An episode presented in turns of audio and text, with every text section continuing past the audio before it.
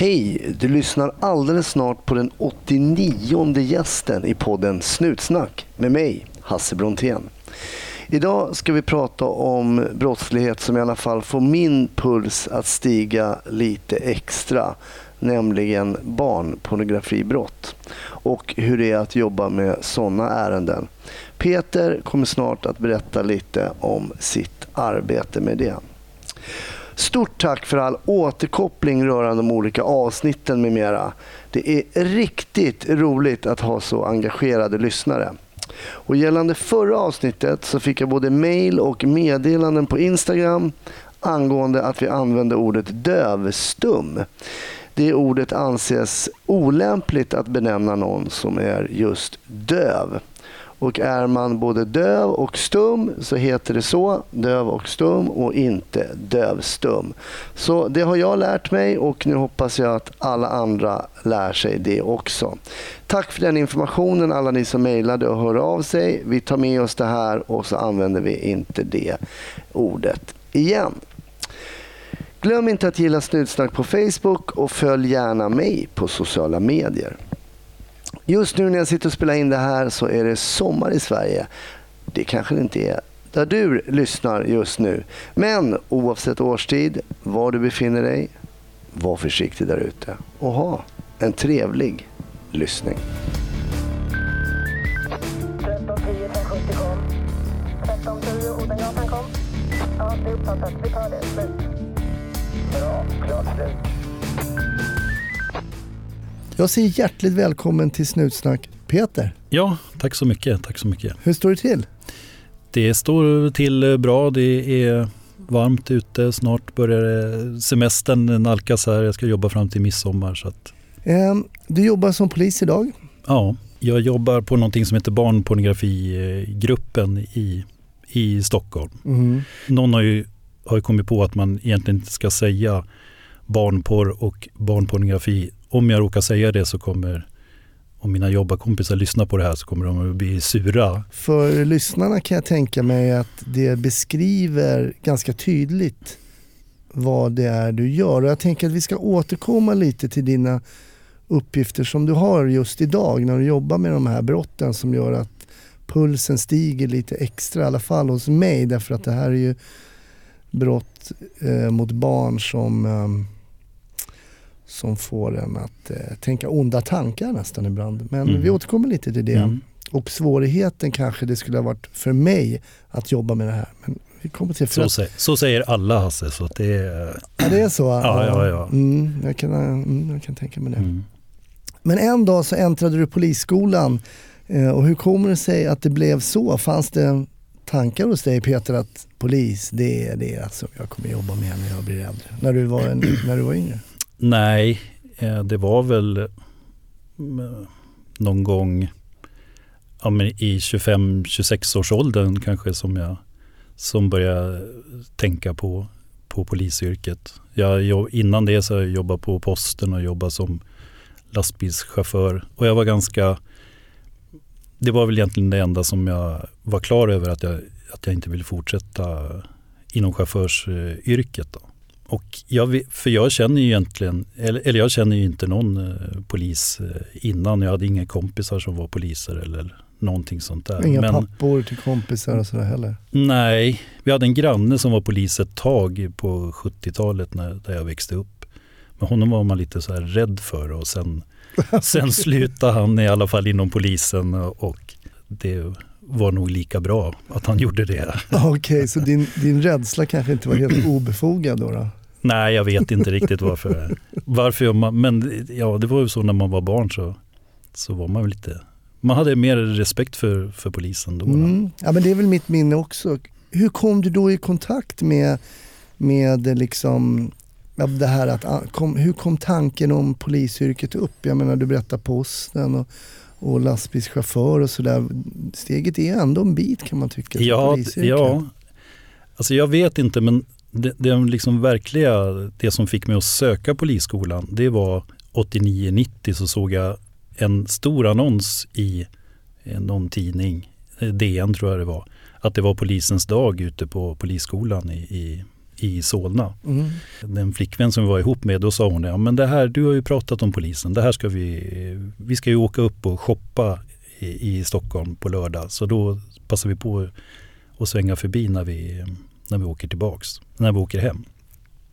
Och så vet du hur det är, man går hela dagen och shoppar, man blir jättetrött och så på vägen hem så, så sa jag att nej, vi kan, vi kan besöka polisens dag nästa år eller något sånt där. Men då sa hon, nej men nu åker vi in och, och tittar. Om, liksom. Och då när jag kom in på eh, polisskolan där i Sörentorp, ja, men dels var det fin miljö där och sen såg jag ju liksom killar och tjejer som var där. Det var ju, det var ju liksom elever som höll i den där eh, dagen. Då. Eh, ja, men det kändes i alla fall bra där på, på polisskolan och alla var så positiva för man gick in där och liksom, ja, funderade på att söka. Ja men det är klart du ska söka, det här är jätteroligt och sådär. och så vart det så att jag, eh, att jag sökte. Var det då eh, fortfarande man hade grundkurs 1 och grundkurs 2? Var det så Ja. det funkade? Mm. Ja, ja. Gick tio månader först då eller någonting och sen var det praktik och sen tillbaka Ja. till skolan? Ja. ja. Hur tyckte du att det upplägget funkade? Eh, alltså grundkurs 1 var ju bra och praktiken var ju bra. Sen kändes väl grundkurs 2 lite, ja det var ju någonting som man skulle göra men egentligen gav ju inte det jättemycket. Det var, mest, det var ju ett halvår, det var mest kul att se gamla kompisar och höra hur de hade haft det och sådär. Sen kom jag ihåg att man fick söka då eh, var man ville hamna någonstans. Eh, Och var var du under din praktik någonstans då? Det var ju så när jag började så, så anställdes man ju i det distrikt man skulle till. Och jag sökte ju, eftersom jag kommer från Enköping, jag, jag bor ju där, jag är ju född och uppvuxen där. Så det var helt naturligt att jag skulle söka till, då var ju polisen i Enköping, det var ju en egen myndighet. Mm. Ja men det var nästan 80 poliser tror jag som jobbade där, 20 civilanställda. Och, eh, ja men så man var liksom 100, 100 pers som, som jobbade där. Mm.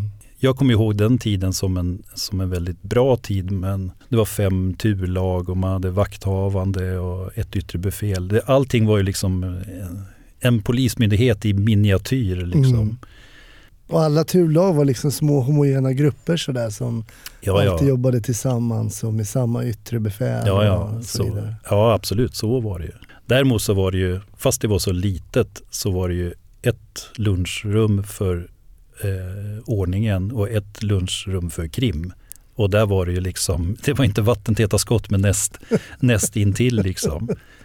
Eh, Ja, vad konstigt. Det, det är väl min bild också när jag kommer ihåg i början att det var lite så. Krimmare pratade man ju lite skit om på ordningen och sådär. Och sen gjorde man ju, man gjorde ju väldigt lite saker som yttre polis. Man skrev ju en anmälan. Mm. Och den var ju inte jättelång för att man hade ju, det här var ju på skrivmaskinens eh, tid. Man hade ju bara ett visst eh, utrymme att skriva den här anmälan och ibland kunde man ju börja väldigt ambitiöst och sen märkte man ja men nu är inte många, det är inte mycket rader kvar och så vill man inte börja om på en ny anmälan och skriva huvud så att den vart, eh, kunde bli väldigt summarisk på, på slutet. Just det. Och jag kommer ihåg en gång jag frågade min, eh, en, en av mina handledare, du, du ska, ska jag skriva ett förhör? Jag har ju faktiskt pratat med den här personen. Och då tittade han mig liksom bara helt förvånad. Bara, Nej men det där är ju krimmarnas jobb. Det var precis som att du ska väl inte stjäla deras arbetsuppgifter. Det var, liksom, det var helt naturligt. Idag så försöker man ju se till att yttre personalen kan lösa så mycket som möjligt redan på plats. Att Jag Mm. menar till exempel hålla ett inledande förhör och också underlätta för de som sen ska driva utredningen vidare sen. Att få de här rösterna s- så färska som möjligt, få ner det på papper. Ja, ja, nu, de ska ju i stort sett göra klart en utredning om, om det går. Så att kvaliteten på det som man gör ute får man väl ändå säga är, är bättre nu. Mm. Det, det, skulle jag, det skulle jag nog vilja säga. Och bara det att du nämner eh, ordet skrivmaskin. Eh, Ja, Det var ju också så, det är min minnesbild, att i de här papperna då som man knögglade ner i den där maskinen så var det ju ett x antal kopior. mm. Så skrev man fel och gjorde liksom, körde tippex på första sidan så blev det ju bara eh, smet eh, bak i kopian där. Ja, ja, ja. såg man ju inte vad det var för någonting. Nej, så var det. Man kunde inte stava fel, eh, vilket jag gjorde ibland. Och så kryssar man och nej, det vart inte vart väl helt oläsligt eh, vissa saker. Då. Det är inte jätte, jättelänge sedan du berättade att du gick skolan 91. Så det har ju hänt mycket på den tekniska biten om vi säger med bara att skrivmaskinen försvann så att säga. Ja, ja, ja visst. Nej, men det, det är svårt som sagt, på, bara på, det är ju 28 år sedan som snart som jag började där. Att, men om man säger hela internet fanns ju inte, det hade man ju inte hört talas om. Jag, någon kanske hade gjort det, men jag hade inte gjort det. Och allt det här med telefoner och, och, och sånt där. Då. Vi hade ju några, inte alla radiobilar hade ju en fast mobiltelefon till exempel då, när, när jag började. Nej. Sen var det ju andra saker, till exempel eh, nu har man ju, man utreder ju väldigt mycket det här brott i nära relation. Mm. Eh, det var ju också, var inte heller någonting och det är ju en sak, man, man kunde ju komma hem till eh, kvinnor som har blivit misshandlade och sen bara ställde man ju liksom en fråga rakt upp och ner inför mannen och där, du vad har hänt, vill du göra en anmälan? Eh, då sa ju de oftast eh, nej. Och med det så lämnar man. Eh, liksom bara, det, det fanns ju en åtgärdskod som heter medling som Mm. man körde jättemycket, körde jättemycket med. Då. Mm. Och man kallade det också för lägenhetsbråk. Ja, ja, ja. ja. Vilket var ju egentligen när man tänker tillbaks på det, ett helt fel. Alltså, ja, vad är det för någonting egentligen? Lägenhetsbråk. Nej, det, låter, det är ju mera som en, eh, några som argumenterar ganska högt. Att någon diskussion har Mm. mm. urartat lite grann. Liksom, men, och så kommer man dit och med, medlar. Mm. Nej, det var... Det, har i alla fall, det visar ju ändå att det har gått framåt med kunskaperna har liksom fört polisarbetet framåt. Och, Mm, ja, det får, man, det får man säga. Mm. Men inte utan ett visst motstånd för vissa tyckte ju att det där var ju eh, ja, det där var ju bara larv att hålla på med och ta upp anmälningar hit och dit och sådär. Nu Mm. är det ju liksom helt naturligt. Nu finns det ju som sagt en hel en ganska stor avdelning som, som bara sysslar med det. Då. just det. Mm. Men när du kom till Enköping, visste du efter skolan så här vad du skulle vilja jobba med? Nej, det Jag var antar ju, att du kom ut på ordningen direkt där då. Ja, jag, eh, jag och en eh, klasskompis eh, vart ju placerade i Bålsta. För det var en liten arbetsgrupp där ingen ville jobba. Så där satte man, eh, det var alltid några nya som, som fick börja där. Det jobbade eh, två gamla poliser som, eller gamla var de ju inte då, men som hade jobbat på tunnelbanan i, i Stockholm. Okej. Och de jobbade också eh, där ute i Bålsta. Jag och min eh, kompis, vi ville ju fånga tjuvar så vi, man började med det här periodplanering också och vi hade ju liksom inte något något krav på liksom hur vi skulle jobba. Utryckningen sköttes ju från eh, Enköping. Mm. Så vi körde, ja, men vi körde mycket civilt på eh, nätterna. Då. En cykla och en körde civilbil. Man var ju bara två så det var inte så mycket man kunde göra men man tyckte att man, man gjorde någon nytta i alla fall. Och, Mm. och sådär. Man fick ju ett helt annat eh, man brydde ju sig mycket mera om man jobbade i ett litet distrikt eh, över brottsligheten och, och sådär. Man, man kände ett mycket större ansvar för sitt eh, område. Och, och jag vet ju, hade man jobbat en natt och sen fick dagpasset eh, åka runt och ta upp eh, anmälningar på inbrott och sånt där. Då var man liksom, kunde man ju gräma sig över det. Liksom. Fan, vi missade det där. Mm. Vi som var ute hela natten och, och cykla och snurra och sådär och ändå vart det inbrott där. Då. Och vissa, som inte är jättestort, där kunde man ju liksom vissa brott kunde man ju spekulera i vem som hade, vem som hade gjort det. Man hade ju visst antal busar där som man hade ju ganska bra koll på och sådär. När, du, när du befann dig där i Bålsta och cyklade runt kanske på någon nattpass. Kände du att du hade kommit rätt när det gäller yrkesval och så här i förhållande till posten och, och Ja. chaufförsyrket? Liksom? Ja, jag brukar säga det att det, det har inte alltid varit kul att åkt till jobbet. Men när jag väl har kommit dit så har jag alltid, alltid tyckt att det har varit roligt. Ja, nu ska man inte säga, det är klart någon dag man kanske tyckte att det inte var jättekul men i stort sett liksom på det, på det stora hela. Eh, sen när man fick liksom barn och familj var det inte jättekul att åka eh, till jobbet liksom en fredag eller lördag kväll klockan eh, nio på kvällen. Nej. Men när man kommer till jobbet så ja, men det, det, det har alltid känts det har alltid känts roligt. Så det, ja, jag har aldrig ångrat att jag Vad är det som gör att, du, att det ändå känns kul att vara på jobbet då? jobbar kompisar. Mm. eh, Det, det, spelar, det spelar stor roll och att man gör någonting, eh, någonting tillsammans. Det tycker jag, det tycker jag är, det är nog den största, största grejen. Hur länge var du där i Båstad? Fram till, eh, jag var ju i Enköpings polisdistrikt fram till 2000. Men Det då, du var fortfarande kvar på utryckningen? Ja, det var ju sämre utvecklingsmöjligheter i Enköping i och med att det gick upp i, i Uppsala och, Mm. och sådär.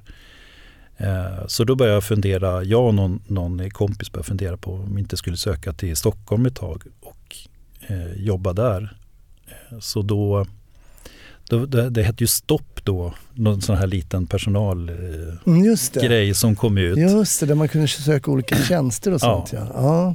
Och då sökte, då sökte vi till Sollentuna och sökte personal till utryckningen. Då.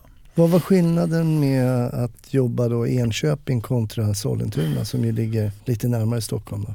Ja, Det hette ju Norrorts polisdistrikt, det var ju fem kommuner. Det märkte jag ju ganska snart att där tappade man ju, det går inte att hålla reda på fem kommuner med så mycket människor och, och så mycket kriminella. Men det var ju, det hände ju... Menar du hände, att du tappade personkännedom då kring? Du sa att, Ja, dels personkännedom och sen är även liksom känslan för att, ja men egentligen jag, jag kanske inte bryr mig jättemycket om det sker ett inbrott i Upplands Väsby. Jag är aldrig, jag är aldrig där om jag inte är på jobbet. Så nej det, den. Ja. den, den, den här liksom att nu ska det inte hända någonting i, i mitt distrikt, det försvann ju eftersom det, var, det var, blev ett för stort distrikt Ja. helt enkelt. Intressant. Nej, man försökte med det i början och lära sig eh, kriminella och sådär. Men det var bara ett fåtal. Och sen, Men ja, hur länge var du där då, Sollentuna? jag var ju där, ja jag har ju varit där fram till eh, förra, förra hösten. Men då sökte de i alla fall till kriminalavdelningen eh, barnutredare. Eh, och jag hade inte någon koll liksom på barnutredning och, och det fanns ju någon som höll på med barnutredningar i Enköping kommer jag ihåg och sådär. Mm. Men det var ju liksom bara... Är det här fortfarande i Sollentuna eller? Ja, Mm. Men i liksom en, eh, jag visste ju att det, det, där, det, kommer inte vara många sökande till den där barnut, barnutredartjänsten här då. Så jag sökte ju, sökte ju det för att få komma till krim. Mm. Så det var jag och eh, en tjej som heter Malin som var jämngammal med mig. Vi, vi eh, började där som, som barnutredare. Då. Hur mycket visste du om barnutredningar innan? Ingenting skulle jag vilja säga.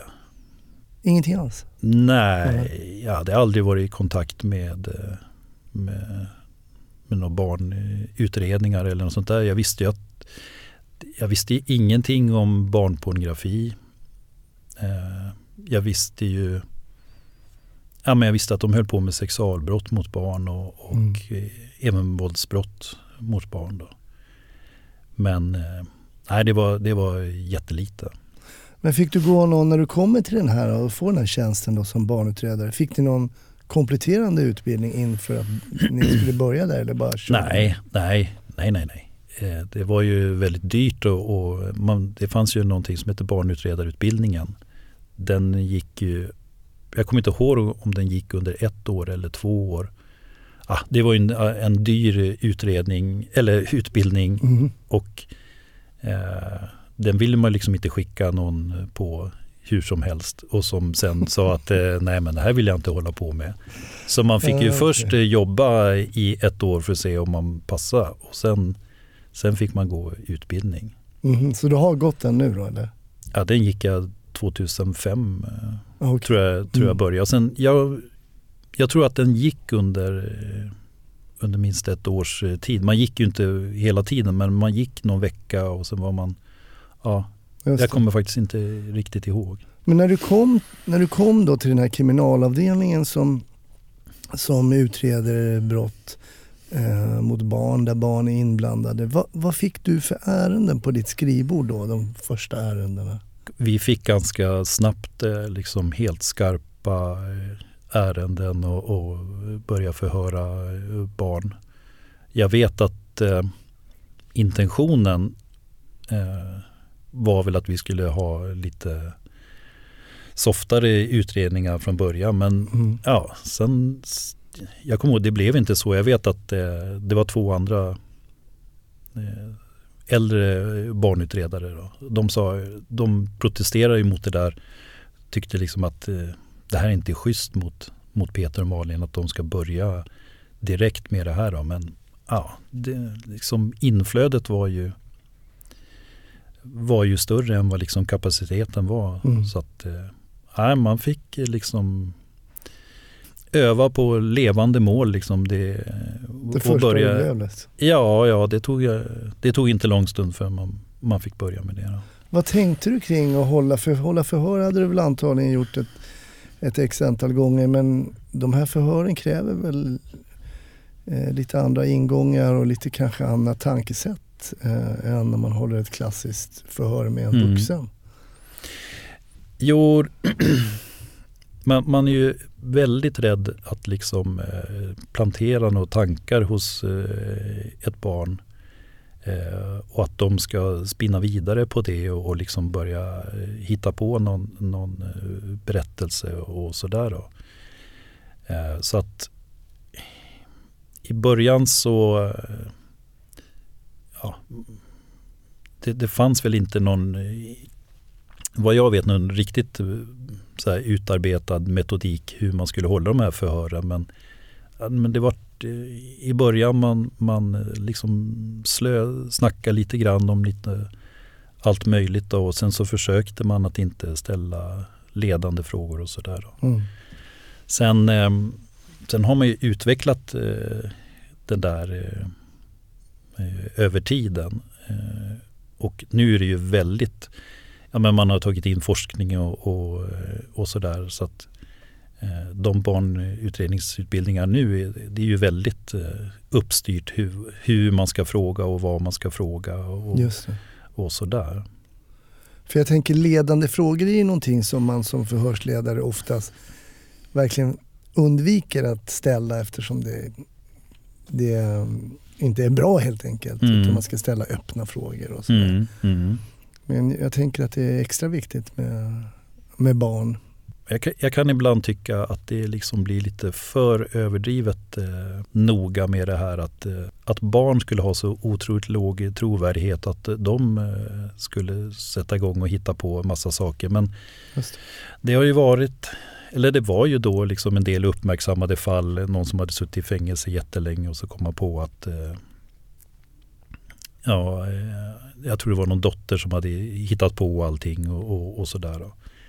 Och de här uppmärksammade fallen de tog ju liksom verkligen skruv eh, tror jag. Att liksom att, ja, men vad barn säger det, det måste man ta med otroligt stor skepsis och, och, och sådär.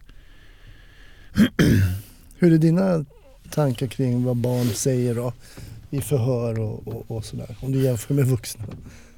Ja, alltså att de, att de undanhåller saker. Eh, det gör de ju. Och det är ju för att skydda eh, eh, det är ju för att skydda föräldrar och, och, eller närstående som har utsatt dem för brott. Mm. Så absolut att de ljuger, men inte på det sättet att, att de ljuger att de hittar på någonting, liksom att de överdriver någonting utan snarare tvärtom att de, att de hittar ju på att det inte har hänt någonting och, och eh, det, det, är- det, är ju snarare, det är ju snarare det Mm. som är, som är problemet. Det är, jag har varit med om barn som har hittat på eh, brott. Men det, det, det genomskådar man ju eh, ganska, ganska så snabbt. Mm. Det har, det har, det har varit eh, ett fåtal sådana fall som, som jag har haft. Men, men det har ju liksom inte dragit iväg att det har blivit någon stor förundersökning och, och rättegång utan det har man ju ganska snabbt kunnat konstatera att det här, det här stämmer inte. Då. Var kommer oftast anmälningarna inifrån då, eh, när jag tänker kring de här brotten mot barnen? För det kanske, min tanke är att det sällan är barnen själv som anmäler utan det kanske kommer från annat håll. Eller har jag fel där? Nej, men det finns ju två kategorier brott som man kan begå mot barn. Det ena är ju våldsbrott och det andra är ju sexualbrott. Eh, och om vi tar mycket våldsbrott kommer ju in via, via skolan. Eller kommer, det, kommer, det är ju socialtjänsten som gör anmälningar men, men eh, ofta kommer ju det in via skolan. Då. Mm. Eh, medan sexualbrott det kan ju komma in på, ja, på lite alla möjliga, alla möjliga sätt. Då. Men eh, våldsbrotten ligger ju i, i, det är ju mest det som, som anmäls. Då. Så det är mest eh, våldsbrott som du har på, på skrivbordet då? Mm. Som barnutredare så, Mm. så, är det ju, Mm. så, så är det ju så. Eh, och sen eh, i och med den här eh, omorganisationen 2015 så eh, vart ju det lite olyckliga att eh, barnutredare de placerades ju i, de ligger ju under brott i nära relation. Och så fördelas alla ärenden som sker just i nära relation dit. Medans eh, om man tar ett sexualbrott om det, är, om det är din pappa som begår ett sexualbrott mot dig, då hamnar det på, hos barnutredarna. Är det grannen som har suttit barnvakt, då är inte han i nära relation. Då hamnar det på grova brott. Okej. Och är det något mindre sexuellt ofredande, då, handla, då hamnar det på LOPO, alltså lokalpolisområdet. Så man har lyckats sprida ut det här på tre, tre olika enheter. Då. Vilket, det vart inte sådär jätte, jättebra. Nej, just det. Okej, och vad är dina tankar kring det då? Hur, hur skulle man kunna mm, göra det bättre? Och Är det så att de som jobbar med de här eh, barnfallen då borde få dem på sitt bord så att säga, de som är vana att jobba med barn? Ja, jo men Mm. så, det, är ju- det går ju enkelt. Det är ju liksom att bara lägga alla målsägande under 15 år. De ska utredas utav barnutredare. Mm. Så det är, det är inte, det är inget svårt Nej. att, att göra det. Men eh, ja, det, är- det, är, det är inget svårt egentligen men, men eh, det, inom polisen så har man ändrat en grej då kan det, kan det gå lång tid innan man ändrar, innan, ändrar, Ja. tillbaka. Ja, det kan ju verkligen vara en koloss på, på lerfötter ibland. Mm. Eh, jag nämnde här i början att, att det här kanske är brott som får min puls att stiga ibland och du sa att ja, det är många som säger så. Mm. Och det är väl så att man tänker att just barn är ju väldigt oskyddade och eh, i beroendeställning till vuxna så att, de, att man liksom begår brott. De här två brottskategorierna som du berättar om, då, våldsbrott och sexualbrott mot de som gör att man blir förbannad. Eh, och det är väl kanske naturligt att man reagerar så. Men hur är det att som utredare eh, hantera de här brotten då som mot barn? När, när, när det kommer till de här våldsbrotten så, så är, när det är en närstående som begår våldsbrott så är det, är det ganska knepigt för att är det små barn så vill inte de vill inte berätta att det är pappa eller mamma som, som har slagit dem.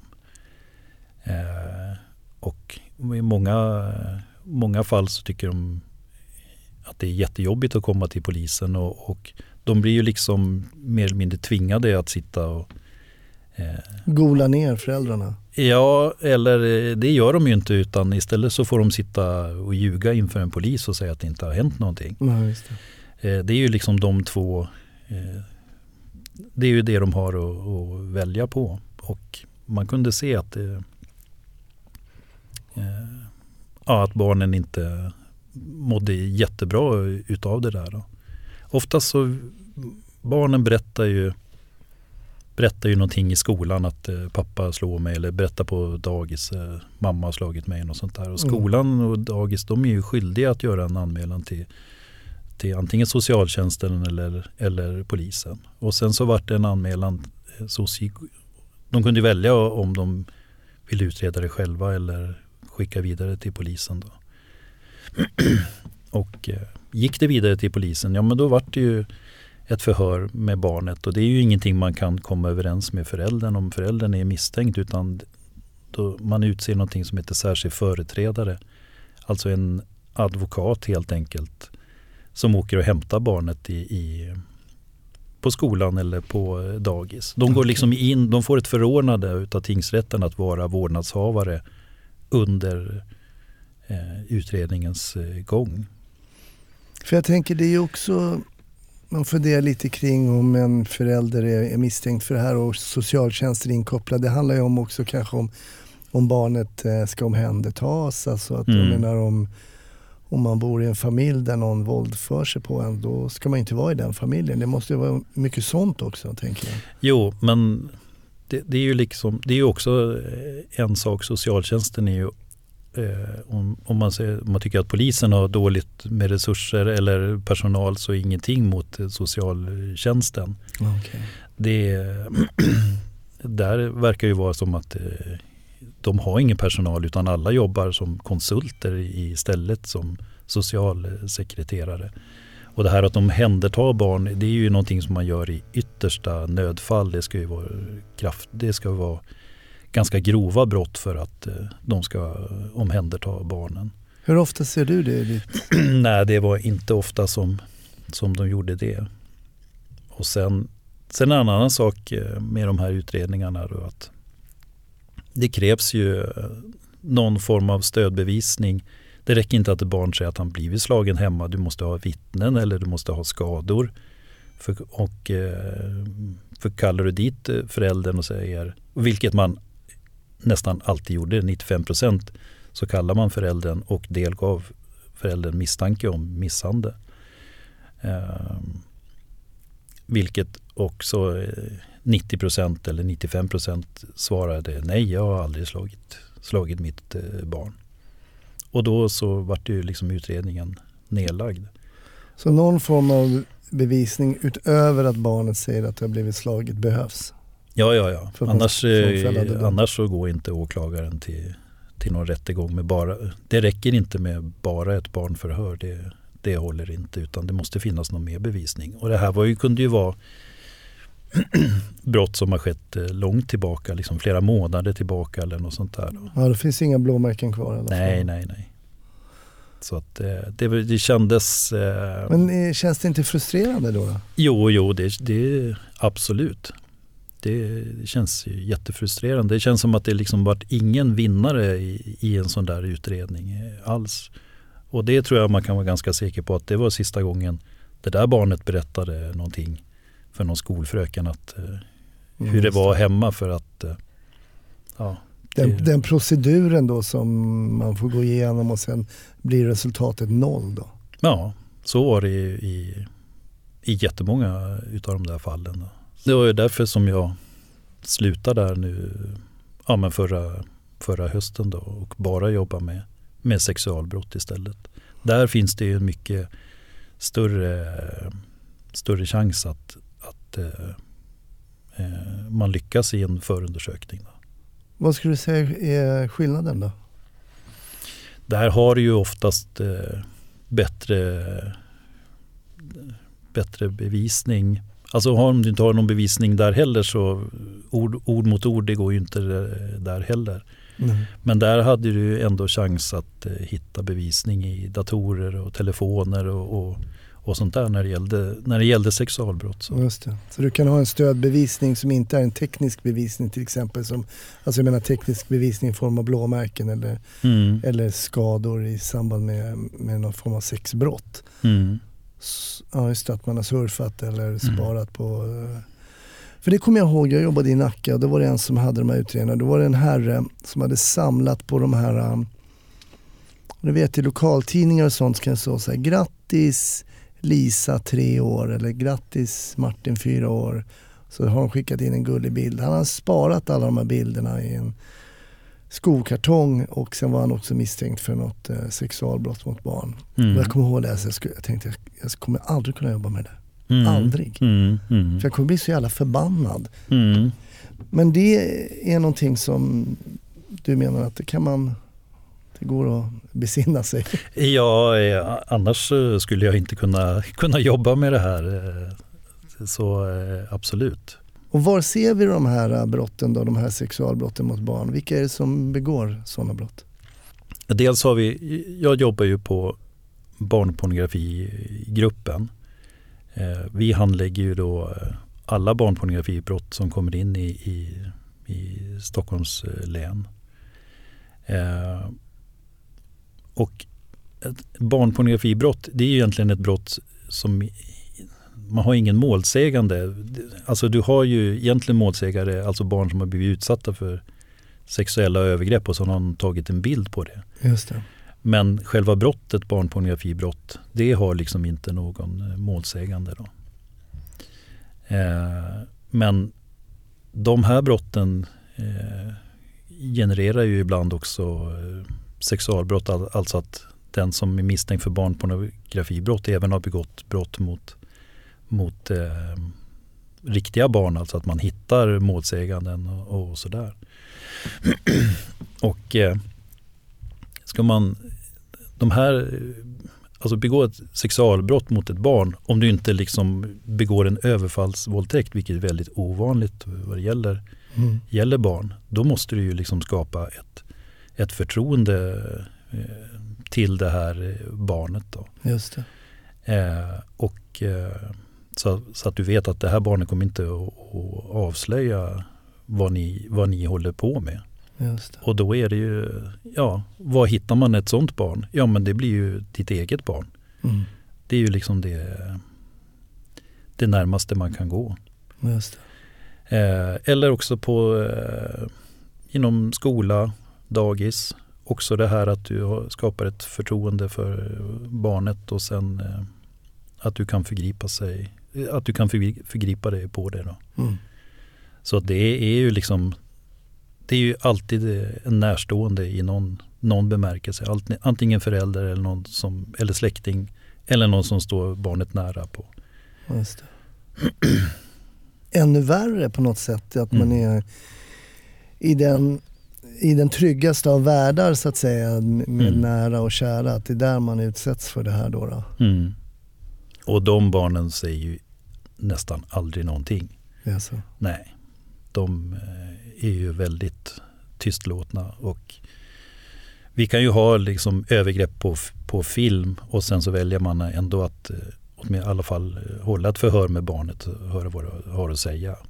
Och de säger liksom ingenting. Nej, det har, Mm, det har, aldrig, det har aldrig hänt eller något sånt där. Och även på lite större barn då kan man ju säga att vi har sett liksom bilder eller Mm. eller filmer eh, på dig och sådär. Ja, det, eh, de, det är liksom, ja, det kanske har hänt men det har jag glömt bort eller också bara total förnekelse. Då. Kan det, vara, alltså kan det vara någon, jag tänker dels på att man inte då vill Dels ser man ju i en beroendeställning, man vill inte avslöja att det här har hänt men är det också någon, kanske någon försvarsmekanism att man verkligen vill att det inte ska ha hänt? Ja, jag vet faktiskt inte. Jag, det, jag skulle nog tippa på, på det andra att det, det är liksom för svårt att, att, att prata om det så att, Mm. man, Mm. så, att man inte, så att man inte gör det. Då. Det, det, det skulle jag tro. Jag ber alltid min gäst att ta med sig en, eh, en historia ur det polisiära. Vad har du tänkt där Peter? Kring, Jag har ju ett, eh, en eh, utredning som vi hade i Sollentuna, eh, jag och mina kollegor då, eh, 2015. Och den belyser lite så här att när man håller på med de här brotten och, och eh, rotar i folks datorer och, och mobiler, man vet liksom aldrig vad, vad, vad som kommer ut i, i, i slutändan utan när man, när man väl eh, börjar. Så jag tänkte berätta om, eh, om det då. mm. För det här började på vår, våren 2015. Då fick vi in en anmälan. Det var, det var faktiskt en mamma som gjorde en, eh, en eh, anmälan att hennes då 12-åriga son, han, ha- han, Han väl precis fyllt eh, 13 tror jag när, när anmälan kom in. Men han är i alla fall i norra Stockholm då står och väntar på eh, bussen och ska åka hem från skolan och då så stannar det till en, eh, en sån här eh, trafikledningsbil vid busshållplatsen. Och ut kommer en man i sina bästa år och börjar prata med den här pojken då. Och erbjuder honom skjuts. Liksom att ja, men jag kan skjutsa hem dig, slipper du stå här vid busshållplatsen och, och eh, vänta. Det var ju gentilt. Ja, och kanske inte eh, liksom det smartaste av den här pojken att, att åka med den här bilen. Men är du 12 12-13 år, du har liksom inte det konsekvenstänket. Nej. Nu händer inte så allvarliga saker under den här bilfärden men för det första går den inte, han, jag tror han, bussen hade tagit 10 minuter, den här resan tar väl en timme och ganska snabbt kommer den här mannen in på på sex och sex med pojkar och Mhm. han frågar den här pojken om han har haft sex, vilket han säger nej. Det, det har jag inte haft och han eh, Ja, men de pratar om eh, onani och han får kondomer utav den här eh, mannen och, och sådär. Så ja, det där rubriceras i alla fall som ett eh, sexuellt eh, ofredande. Då. Mm. Eh, och jag hörde honom, Så då, då ja, ni listade ut helt enkelt vad det var för det var någon från Stockholms lokaltrafik och alltså vi, och lite vi var ju så här, kan det här verkligen vara en trafikledare som, som stannar och plockar upp en pojke och, och börjar snacka snusk med honom. Va? Så vi var Mm. lite inne på, Eh, vi måste liksom få ut, kan han beskriva den här bilen? Kan det vara någon som liksom åker omkring och raggar småbarn med och har liksom ändrat sin bil så att det ser ut som en ledningsbil. Så det var lite det som vi var eh, som vi var inne på när vi, när vi började med förhöret. Jag kommer ihåg åklagaren sa att ni kan ju fråga honom om det går att få rätt, eh, liksom någon rätsida på det här. Han var ganska skeptisk. Mhm. Men han berättade att det fanns ju någon radio i den här eh, bilen och han fick några anrop den här mannen och, Mhm. och sådär. Och sen så mot slutet av förhöret i alla fall så, så frågade jag att eh, kan du, har du liksom någon namn eller någonting på den här? Ja, sa han, jag har ju honom på Kik, alltså den här appen. Ja, någon sån eh, chatt Chatt, chattapp. Ja, just det.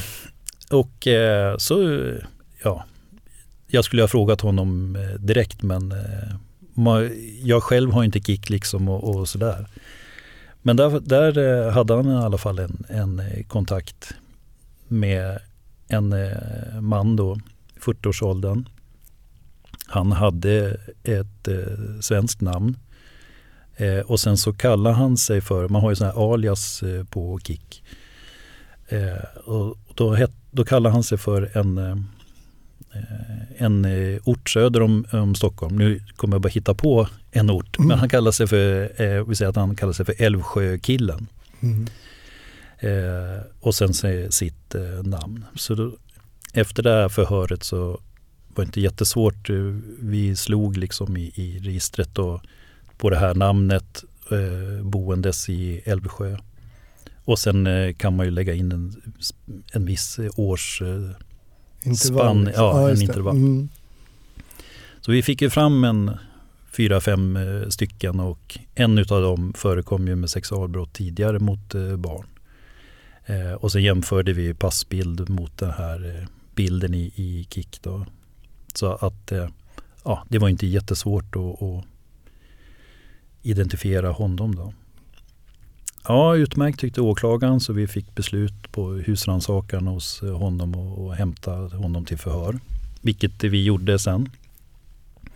Och ja, han erkände att, eh, att, han hade, att han hade gjort det här. Då. Att han hade plockat upp den här killen. Ja. ja. Och han var ju dömd tidigare för sexualbrott och hade då medicinerat sig. Alltså det finns medicin du kan ha som, som liksom trycker ner ditt, eh, din sexualdrift. Okej.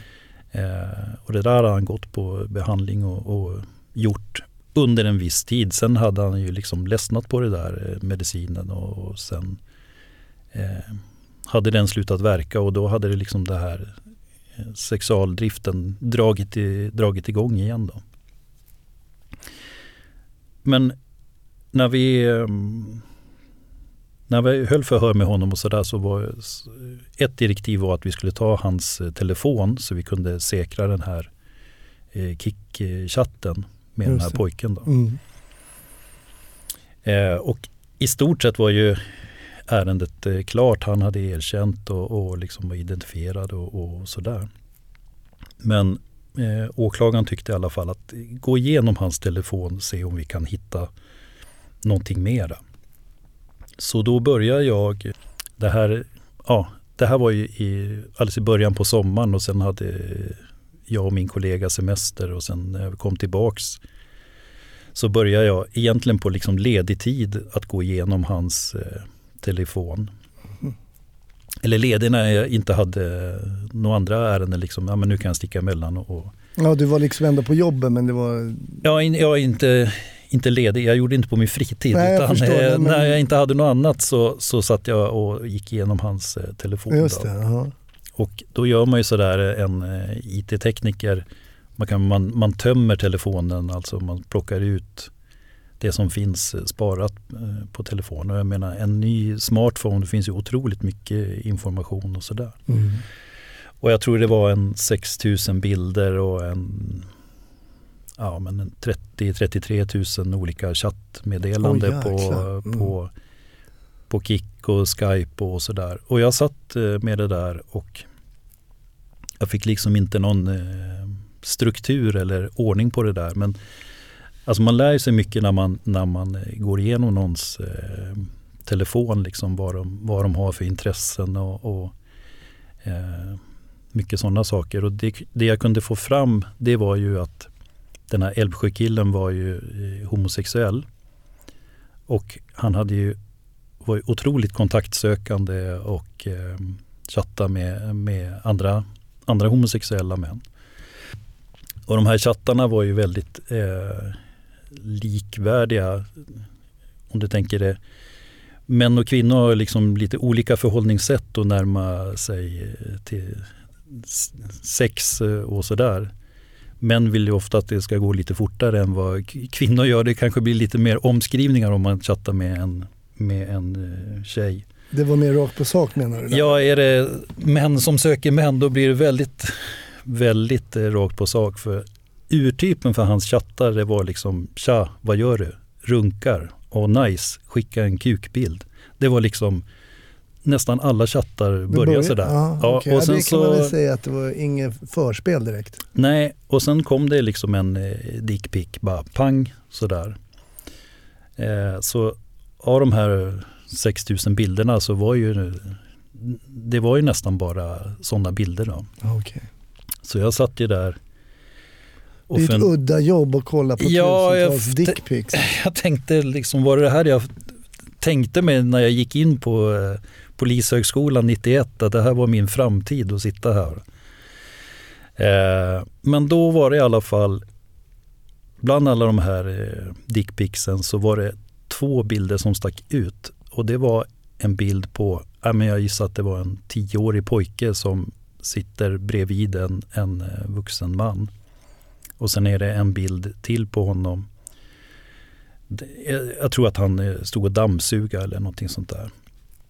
Och de här två bilderna skilde sig ut så, så mycket i, för det övriga materialet. Så att då tog jag, tittade på tidsstämpeln på de här bilderna och sen så jämförde jag dem med tidsstämplarna på chattarna. Och då Mm. hittade jag en chatt mellan Älvsjökillen och sen en eh, person som kallades, kallade sig för, nu hittar jag också bara på, eh, Solna 73 Mm.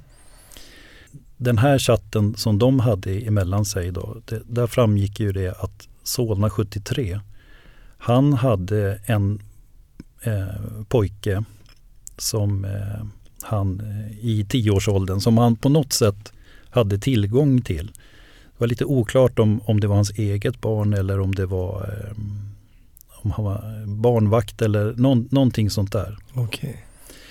Eh, och det de började diskutera då, eh, Älvsjökillen och Solna 73, det var att eh, de skulle ha sex med den här eh, pojken då. Att de, ja, i lagens mening är ju det en, en eh, våldtäkt, eh, våldtäkt mot barn och de höll på diskutera mycket där hur de skulle gå tillväga och, och hur ska vi kunna närma oss honom. Och, ja, det var mycket idéer där. De skulle duscha och sen liksom få med honom i det där. De skulle ha sex i, tillsammans. Älvsjö och Solna. Eh, och eh, eh de, Solna 73 föreslog att de skulle skaffa eh, någon sömntablett. Han frågar Älvsjökillen.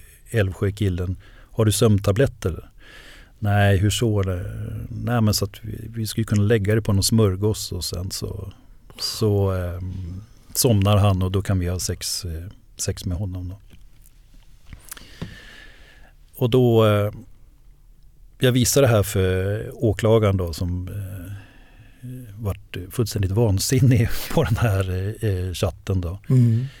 Och sen höll vi på att diskutera, är det här ett brott att skriva så här överhuvudtaget eller är det bara, liksom, bara perversa fantasier då? Just det.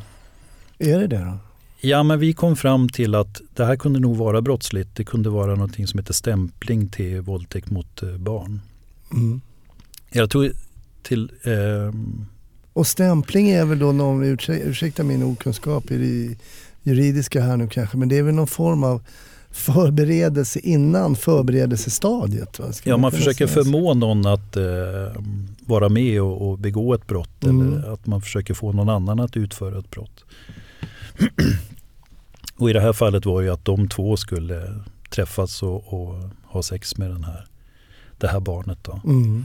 Och vi visste ju inte, vi visste inte vem Solna 73 var. Vi visste inte det här barnet, liksom, vem, vem är det? Vi bara kände att vi måste ju liksom, vi måste ju ta rätt, vi måste ju vi måste, ju på- hitta, ja, vi måste ju det. hitta de här. Mm.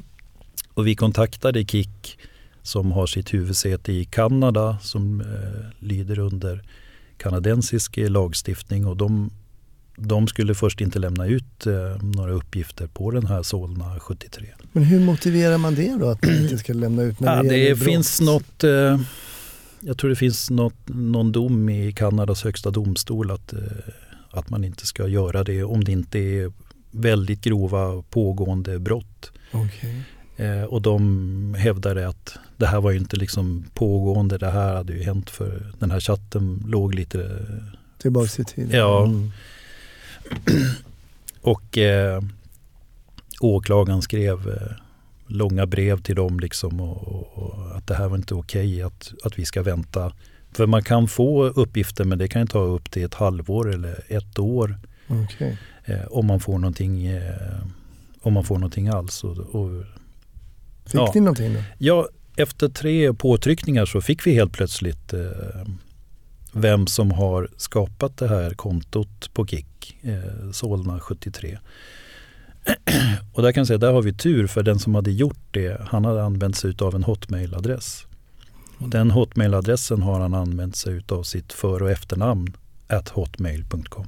Just det. Och det visade sig att det var bara två stycken som hade den kombinationen för och efternamn i hela Sverige. Oj. Den ena var en gubbe i Lund, född på 30-talet. Eh, och den andra var en kille född 73, boende i Solna. Så då kändes det ju verkligen eh, bingo när vi, när vi fick det. Det måste ju kännas ganska skönt som utredare då när man har hållit på och mejlat med Kanada och fram och tillbaka och så får man en sån träff. Ja, ja, det var...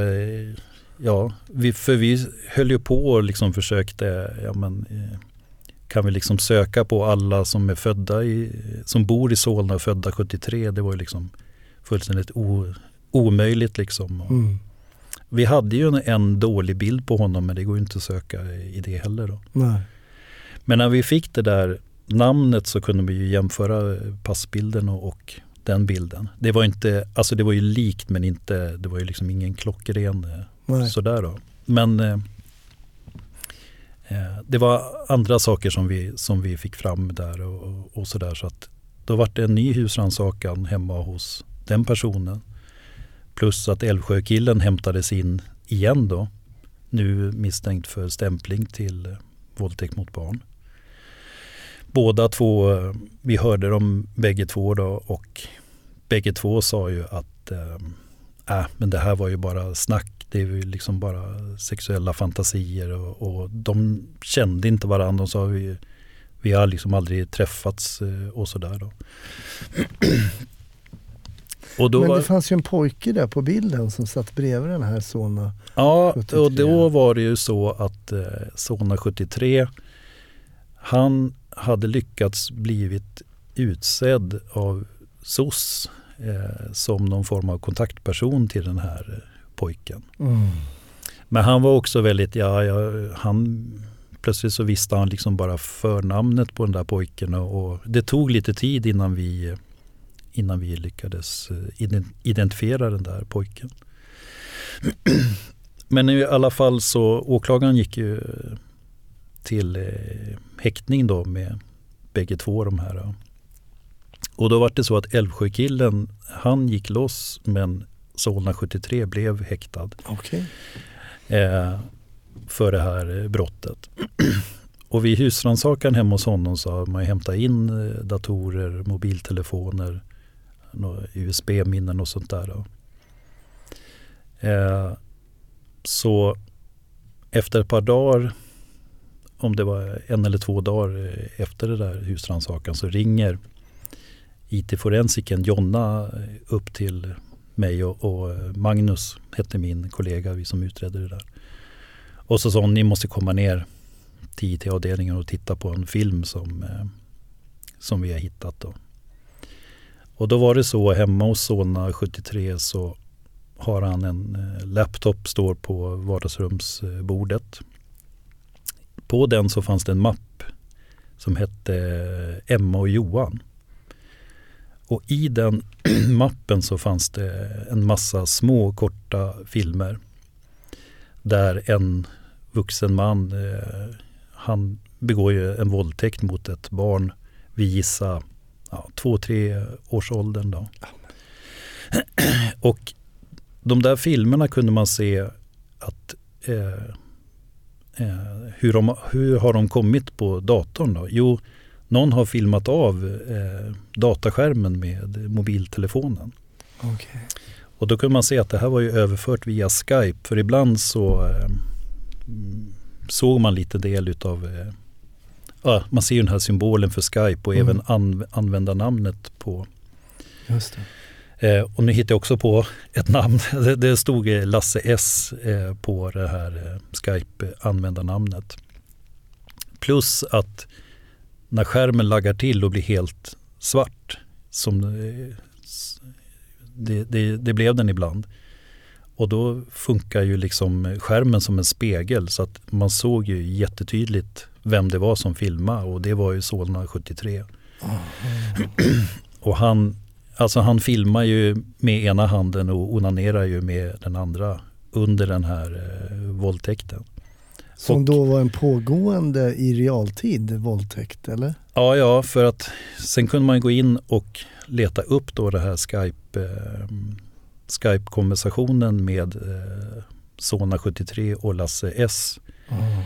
Och då hittar vi ju då den tiden att eh, när de här filmerna förs över så instruerade ju han eh, den här Lasse S då. Eh, okay. Eh, vad, han, vad han skulle göra för någonting med, med den här flickan. Så att först jättenöjda och hittat Solna 73. Nu har vi liksom nästa grej. Vem fan är den här Lasse S och vem är det här barnet? Va? Ah, det känns som en virvel som leder ner i någonting i ett mörker som liksom ja. aldrig tar slut. Nej, nej. Eh, och vi vart, om, om eh, åklagaren varit vansinnig i den första eh, chatten så när han Känns såg de här filmerna. ja, han vart ju eh, helt galen liksom. Oh, eh, och eh, ja, då, då började vi liksom igen.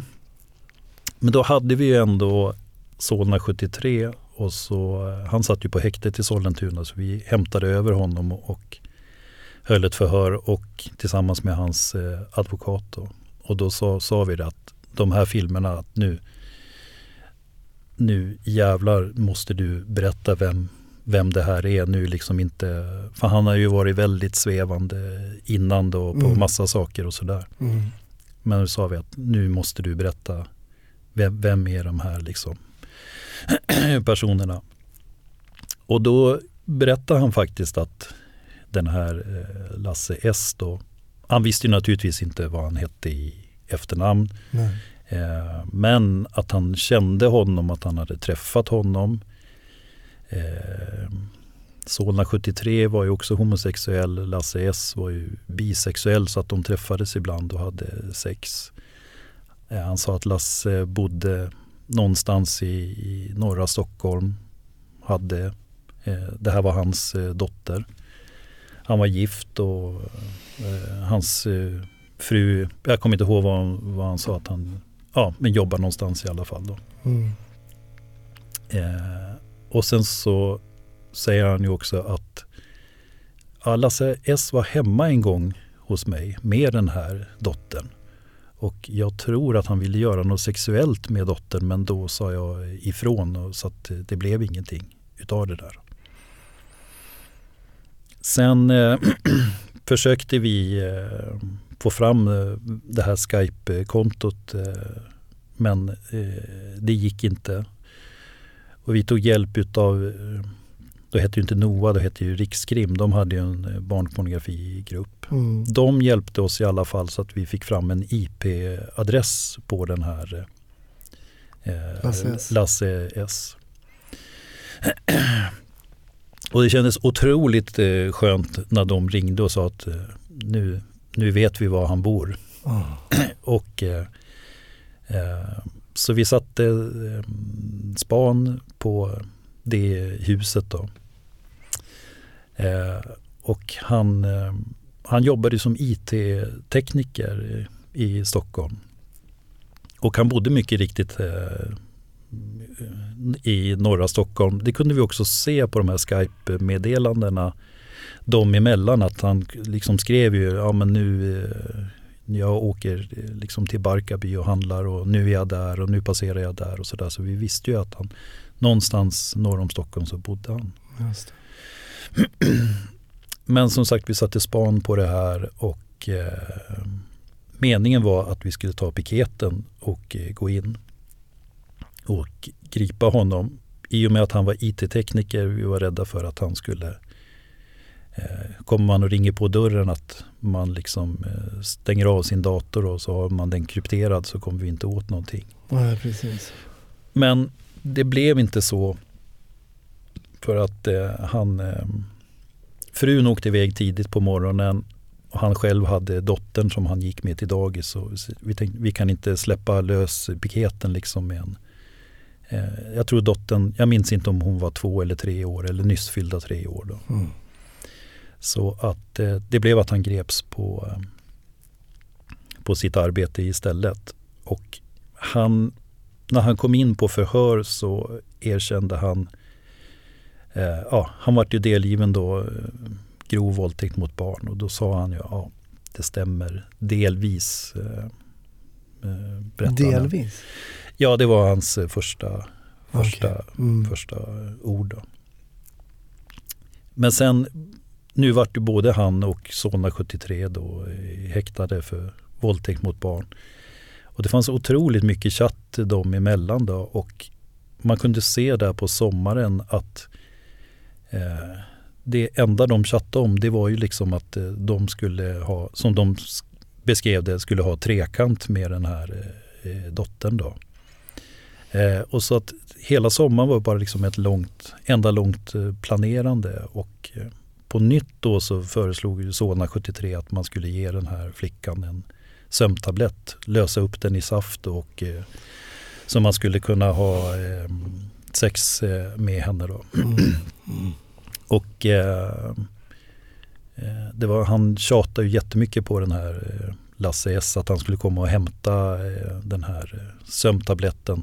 Vilket vi tror eh, att han gjorde för att ja, men en kväll på sommaren så åker han. Det kan vi se att han åkte dit och sen var det inget mer snack om det där.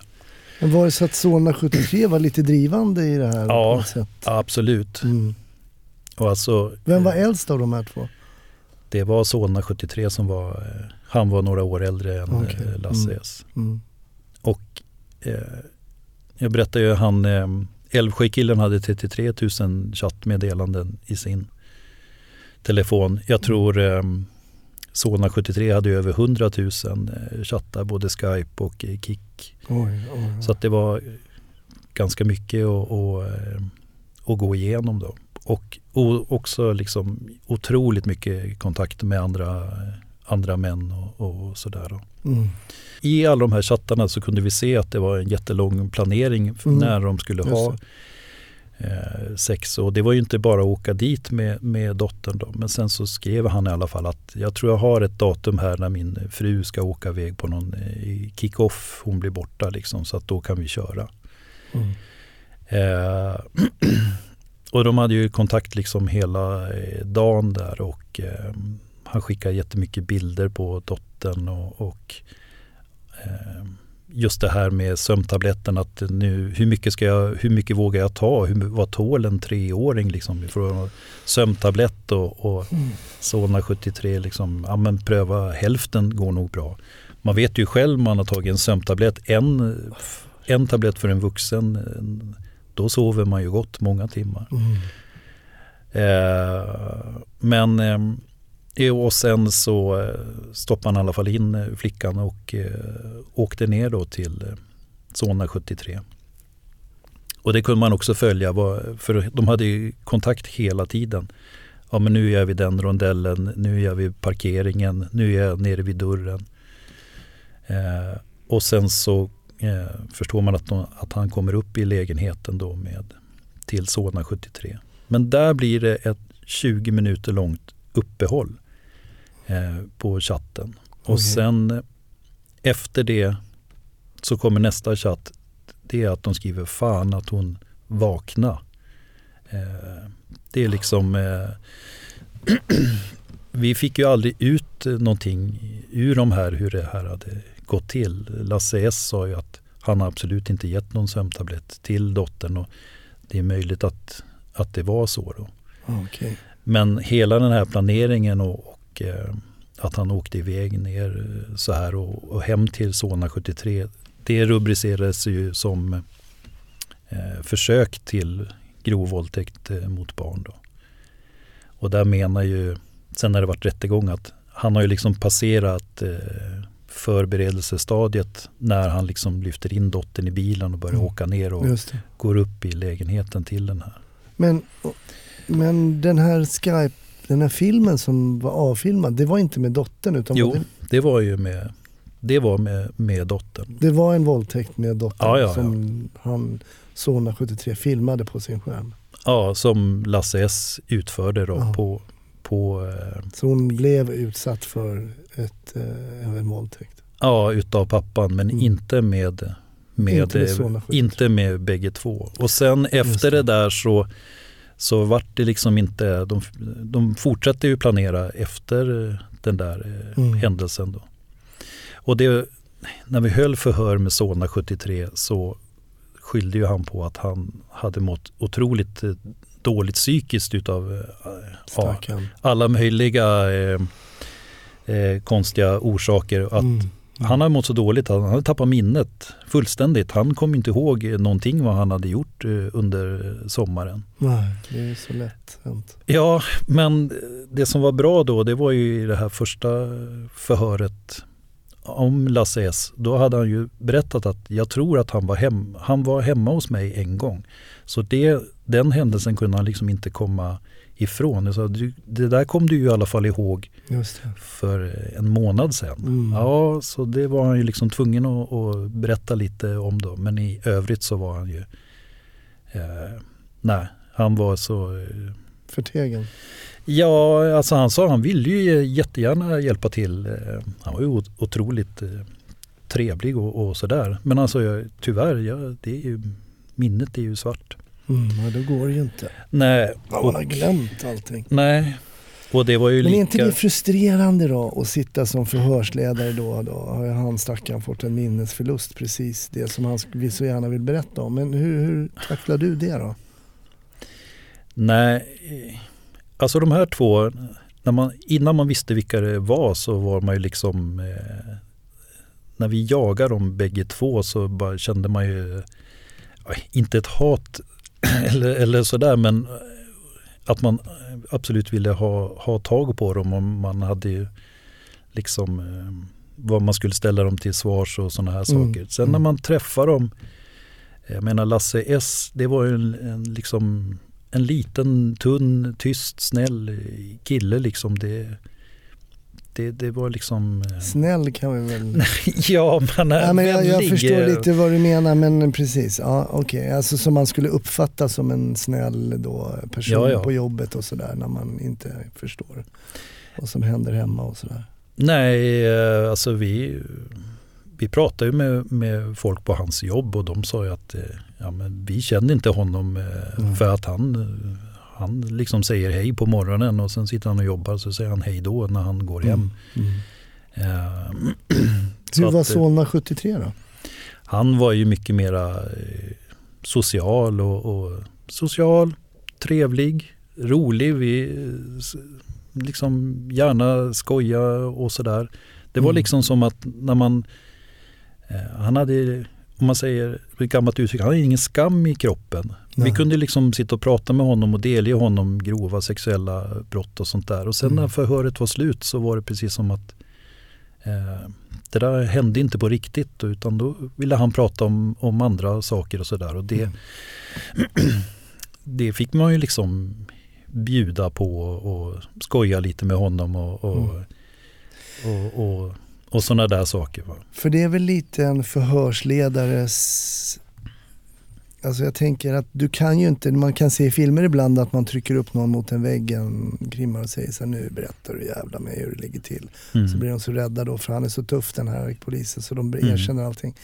Men det fungerar inte i verkligheten utan jag tänker det här sociala spelet som du nu beskriver lite grann att du måste liksom hänga med i det sociala spelet, komma ner på hans nivå om man säger skämta så att man, Mm. för det blir det här förtroendet som du berättade om tidigare som sexualförbrytare kräver också eh, gentemot sitt offer på något sätt. Att Det Mm. måste man ha som förhörsledare också, att komma in i min lilla bubbla här. Och, Mm. Mm. Är det så?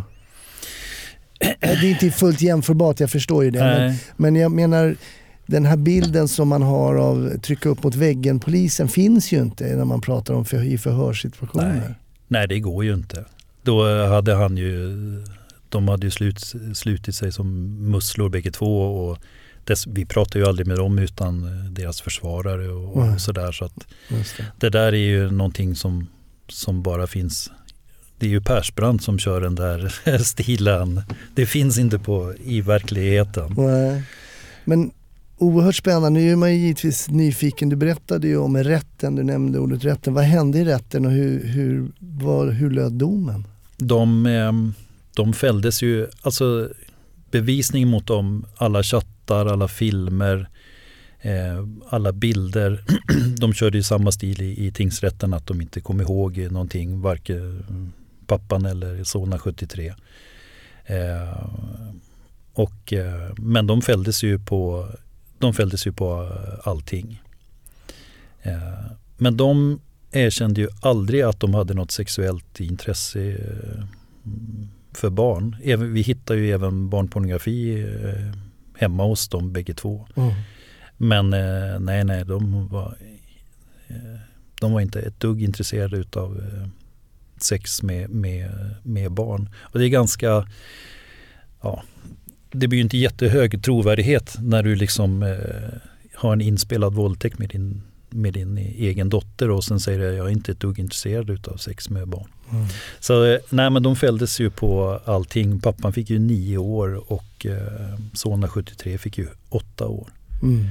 Och han, det ska jag också säga att Solna 73 var ju en av de första som blev dömd för våldtäkt över internet. Alltså han var ju inte med när det här barnet blev våldtaget. Ja, just det. Han stod och onanerade samtidigt. Ja, Ja, han Och satt ju filmade. flera mil eh, därifrån men, men eh, eh, både tingsrätten och hovrätten resonerar ju så att det, ja, han, även om han inte var fysiskt där i rummet så, så tar han ju liksom del av det här. Han instruerar honom Mm, mm. i realtid och eh, dessutom sitter han och onanerar till det här. Så att han, eh, han, han vart fälld som medgärningsman precis som att han hade stått Varit- brev, Just varit eh, bredvid och, och tagit del av det. Bra, jätte, Mm. jättebra. Vilken otroligt eh, spännande historia och också väldigt intressant om vi bara liksom snabbt virvlar tillbaks i tid i den här berättelsen så börjas det här med en mamma som får en historia återberättad av sin son som har blivit upphämtad av en ledningsbil. Mm. Så börjar hela det här eh, som blev grov våldtäkt mot barn till slut. Mm. Jo, åklagaren, eh, jag tror han sa det i slutpled, eh, slutpläderingen att han trodde inte på det här att det skulle leda till någonting överhuvudtaget ifrån början och sen, sen sitter man där eh, ett halvår senare med liksom 30 åtalspunkter och sådär. Ja, alltså stort tack för det här. Eh, dels för att du delade mer av den här historien eh, och också stort tack för att du tog dig tid när du hade några minuter emellan det som du egentligen skulle göra och gräva Mm. i alla de här konversationerna. Hitta de här länkarna mellan bilder och konversationer och sen gå vidare. Oerhört spännande att höra Peter på den här historien. Och nog är det nog så att min puls gick upp lite grann ändå så jag kanske ändå inte skulle ha jobbat med det här. Men nu ska vi runda av. Nu ska vi runda av med någonting som eh, kanske får upp pulsen för en del men som i alla fall inte är på riktigt och det är ju poliser på film. Mm. Och, um, kollar du på någonting sånt överhuvudtaget? Jag har jättesvårt att titta på svenska serier, eh, polisserier Mm. Eh, för att eh, min fru är jättesur på mig. Eh, för att jag sitter bara li- liksom, nej men det där var overkligt, han hade fel axelklaffar och så där går det inte till. Så hon säger, du bara förstör filmer eh, så här. Så att, eh, så att nej, nej, det är inte ofta jag tittar på, Nej. på svenska filmer. Men, och sen så såg jag ju tidigare avsnitt, om jag hade rekommenderat en, en film så hade det ju varit eh, första, den här eh, Bo Widerbergs eh, Mannen på taket. Just det. Men att man kan slå av när han börjar skjuta uppe på taket för då tycker jag det blir... Det spårar. Äh, det, ja, ja, men jag, jag, jag tycker så suveränt. eh, eh, Jag är ju född eh, på 60-talet och uppvuxen med Carl Gustaf Lindstedt Mm. som alltid var liksom spexare och sen så får han liksom en, en, sån här seriös roll. Som kommissarie Becka. Ja, Mm. och för mig eh, har han alltid varit liksom den riktiga, den riktiga eh, Beck, Mm. om, om, eh, om man säger. Då. Mm. Ja, ingen annan, ingen annan. Du kommer inte på någon utländsk. Du sitter inte och trycker på någon serie någonstans som du har följt eller någon bok som du kanske har läst. Eh, nej, och, och som sagt, jag ska inte döma ut de här nya Beck-filmerna och, och, och de här, eh, utan det är väl liksom att det är mer att jag är eh, miljöskadad eller, eller vad man ska säga. Och jag tror, jag tror inte det finns så mycket i den där genren, det som jag jobbar med Nej. eh, heller. Men om jag tittar, jag tittar ju mycket på amerikanska polisserier och, och Det är så lustigt att man köper det men då är det i en annan värld och då vet man inte exakt så då godtar man det på ett annat sätt. Ja, men sen vet man, det är ju en... De har ju helt andra förutsättningar i, i USA och, Ja. och sådär då. Så Vad kollar att, du på då? då? Eh, nej men, vad heter det med Joel Kinnaman, den här, vad heter den, där det regnar hela tiden. Och, Eh, och Just det, den har inte jag sett. Ehm, det, den heter Den heter, nej nu säger jag nog bara fel. The Killing eller Ja, The Killing heter den ja. Ja, The Mm. Killing. Just det, bra. Och sen gillar jag också de här eh, Fargo-serien med den här eh, liksom eh, ensamma sheriffen som... I det karga landskapet. Ja, ja, ja. Ja, det tycker jag. just det. Bra. Ja, men då kom det ju två bra tips där ändå. Ja, ja, ja. Peter, jag bugar och bockar. Mm. Stort tack för att du ville eh, komma och gästa Snutsnack. Tack Mm. för ett mycket intressant avsnitt. Tack, tack. Tack. Jag bugar och bockar. Stort tack för att du har lyssnat på ytterligare ett avsnitt av Snutsnack. Följ oss på Facebook, följ mig på sociala medier. Där heter jag Hasse Brontén. Ha en fantastisk vecka så hörs vi nästa. Ha det fint. Hej!